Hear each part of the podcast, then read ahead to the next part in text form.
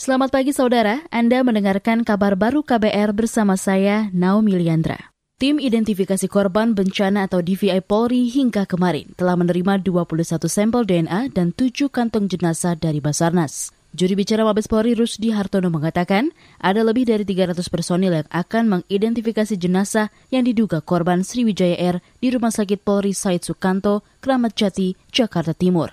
Proses identifikasi akan dimulai hari ini. Kepolisian akan menyampaikan perkembangan identifikasi setiap pagi dan sore hari.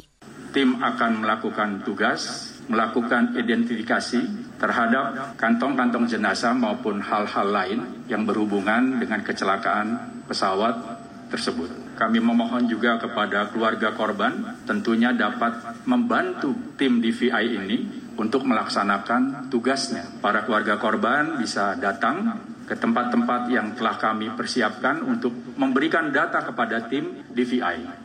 Juri bicara Mabes Polri Rusdi Hartono menjelaskan data-data yang diberikan kepada tim DVI bisa berupa dokumen pribadi, kartu keluarga, hingga ijazah korban. Data tersebut merupakan bagian dari antimortem yang nantinya akan dicocokkan dengan identitas jenazah atau postmortem. Rusdi mengatakan keluarga korban bisa menghubungi kantor kepolisian terdekat untuk proses penyerahan data tersebut.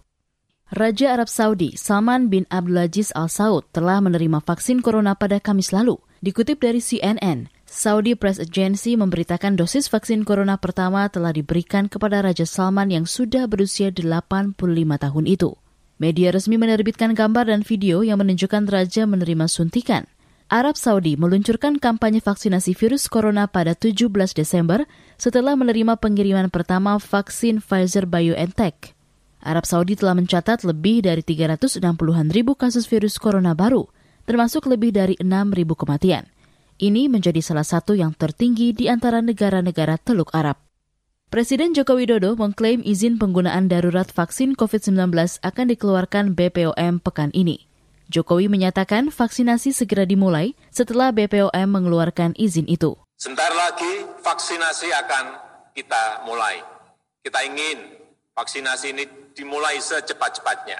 Setelah BPOM menerbitkan izin penggunaan darurat sesuai dengan kaidah-kaidah akademis dan standar WHO, kami masih menunggu keputusan dari BPOM. Mungkin minggu depan ini segera terbit dan vaksinasi segera juga kita mulai.